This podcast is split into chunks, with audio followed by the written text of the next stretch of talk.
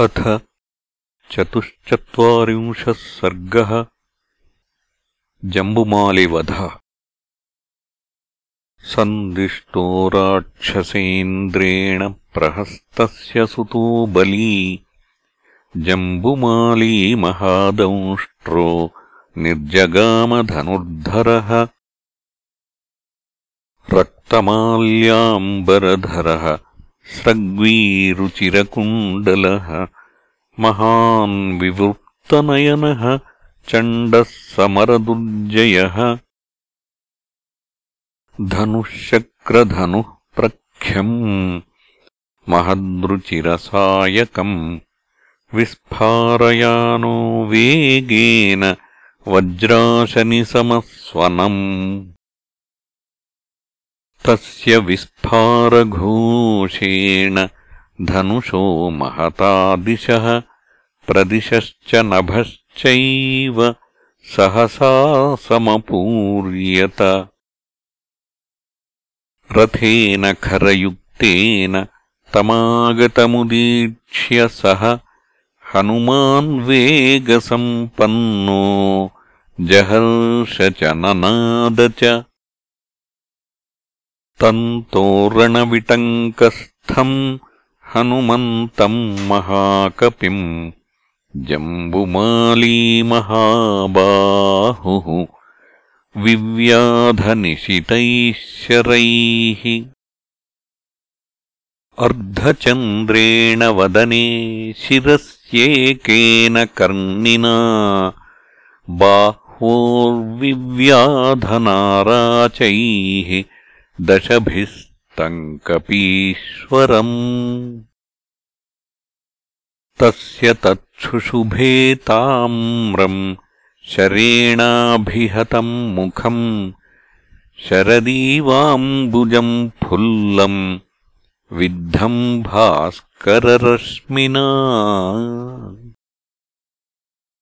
तत्तस्य रक्तम् रक् तेन रञ्जितम् शुशुभे मुखम् यथाकाशे महापद्मम् सिक्तम् चन्दनबिन्दुभिः। चुकोपबाणाभिहतो राक्षसस्य महाकपिः, ततः पार्श्वेति विपुलाम् ददर्शमहतीम् शिलाम्। तरसा ताम् समुत्पाट्य चिक्षेपजनवद्बली तरसा ताम् समुत्पाट्य चिक्षेपजववद्बली ताम् शरैर्दशभिः क्रुद्धः ताडयामास राक्षसः विपन्नम् कर्म तद्दृष्ट्वा हनुमांश्चण्डविक्रमः सालम् विपुलमुत्पाट्य भ्रामयामास वीर्यवान्।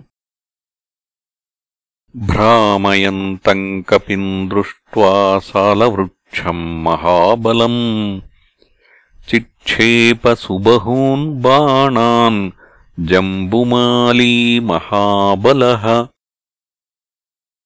सालम् चतुर्भिश्चिच्छेद वानरम् पञ्चभिर्भुजे उरस्येकेन बाणेन दशभिस्तु स्तनान्तरे।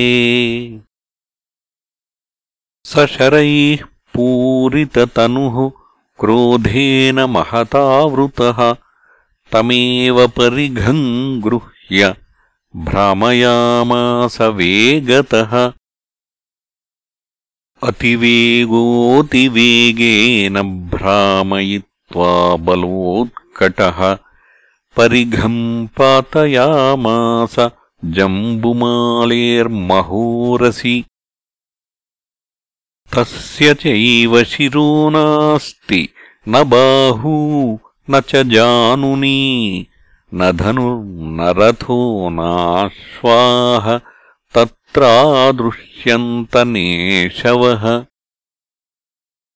स हतस्तरसा तेन जम्बुमाली महाबलः पपातनिहतो भूमौ चूर्णिताङ्गविभूषणः